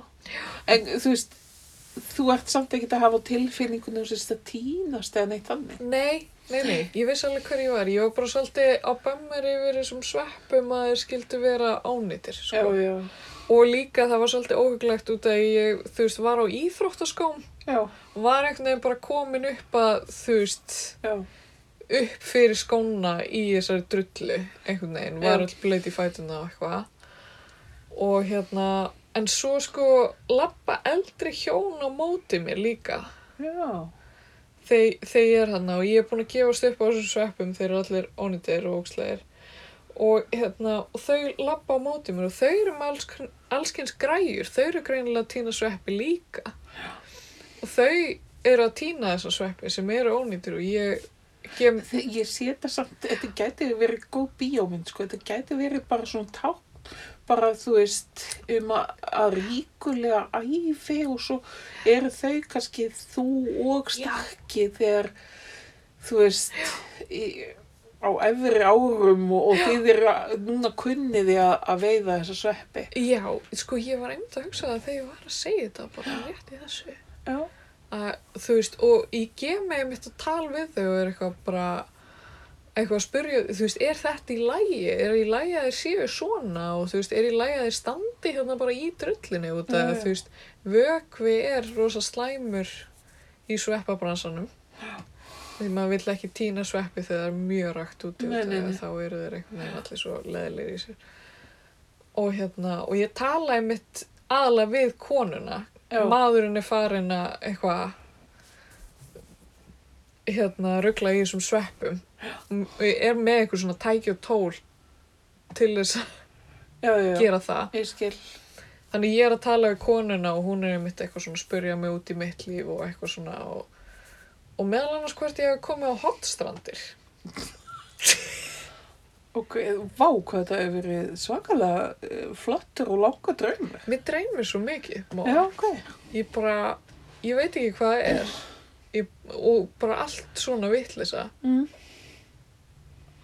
en ég, sorry ég, fyrst við erum að tala um drauma þá dreymdi sýstu mína líka svo ógeðslega fyndin draum að fara á nótt sunnudags við vorum að fara í skýrn Já, Li- lítil frænk okkar var, að- hérna, var skýrð Esja, vá. þetta er fallegt en hérna, Esja var írsk. já, er Það það var ekki þræll. er það ekki, Það, það ekki. jú, ég held það En hérna, en sem sagt, sy- eh, Ásdísi sýstur, hana dreymir að badnið væri skýrt og það hefði verið skýrt fjórir. Bara orðið fjórir. Já, ok. Ég meina, þú veist, hvað þýðir það? það er mjög gott, það er mjög gott. Og sko, pappin heitir Bjarki, Bjarki, Fjarki, Fjórir, hugsaði hún. Já, ok, þú veist, það er eitthvað þarna. Já, það er eitthvað svona einhver tenging. Einhver tenging þarna, Kannski hefur eftir að eiga fjögur börn. kannski. Er, er fólk að eignast fjörböld mikið í dag? Eða? Svolítið svona. Eða, þú veist það er alveg að gerast sko. Vá. Það er alveg. Já. En sko ég held að þú veist ef maður ætlar að eiga fjögur börn í dag Og þarf það, maður að vera svolítið vel stæður. já, Af því að þú veist og virkilega finnast gaman að vera alltaf með börnum. Já, þú veist líka bara því að þú veist, börn í gamla daga, þú veist, voru ekki að fara í ballett og, Nei, nei, og hérna, hökkunám og tennis og, 66 gráður, norður, úlpur já, þú veist, 50 skrona úlpur símar. og 100 skrona símar, svo þú- talaði ekki um það og grátandi. Já, Þú veist, allt þetta, Já. þetta, þetta er bara svona, þú veist, þetta er svo mikil útgerð. já, þú veist, einmitt að hérna ég man að ég er þarna barn áttunda, segjum að það eða, og níunda áratun og hérna þú veist, ég, þú veist, ég var svona manneskja sem átti aldrei neitt sem var í tísku nei, þú veist, það var BMX hjól þá átti ég svona notað Harley Davidson hjól eða þú veist, í þannig í læginu gullt sem ég veist ókslega flott í dag já, en það var ekki BMX, skilur nei. og Svo náttúrulega, hvað varst í buksum af afaðinum? Nei. ég var í svona gallabuxum sko sem átti að endast næstu fimm árin Já, þannig að það var já, ekki að já. bretta upp á njá Já. Algjörlega. og þú veist og en þú veist, það, það var einhvern veginn miklu meira norm Já, finnst mér að það væri svona svolítil vitt í þessu. já, Sérstaklega allan í Fraklandi, þú veist, fólk var bara ekkert efna og það var allt í lægi einhvern veginn. ummitt. En núna bara býtu hvað, þú veist, ég á ekki ífón.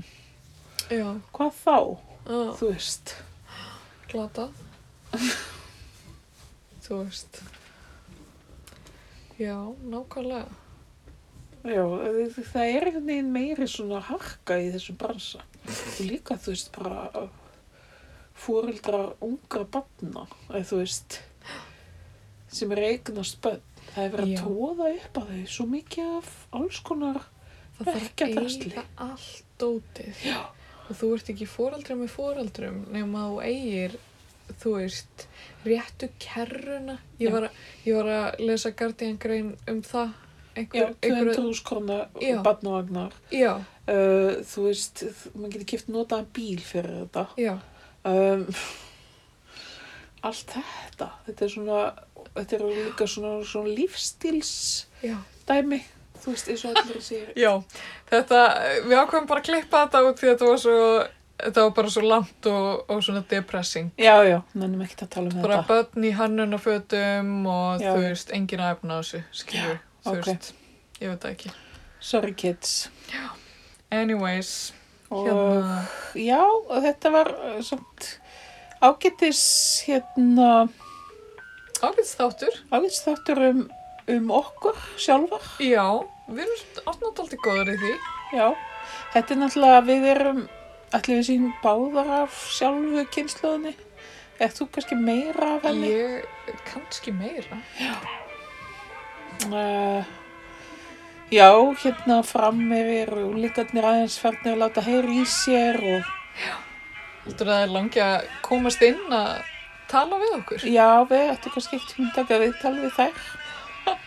hvernig er að þjást með þessu fóreldrum. Já. En hérna bara bæja bíli, Sjáumst næsta þriðdag. Heyrumst minni. þriðdags kvöld.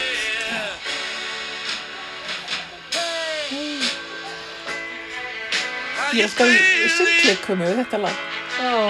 Are you still the same? Don't you realize the things we did, we did?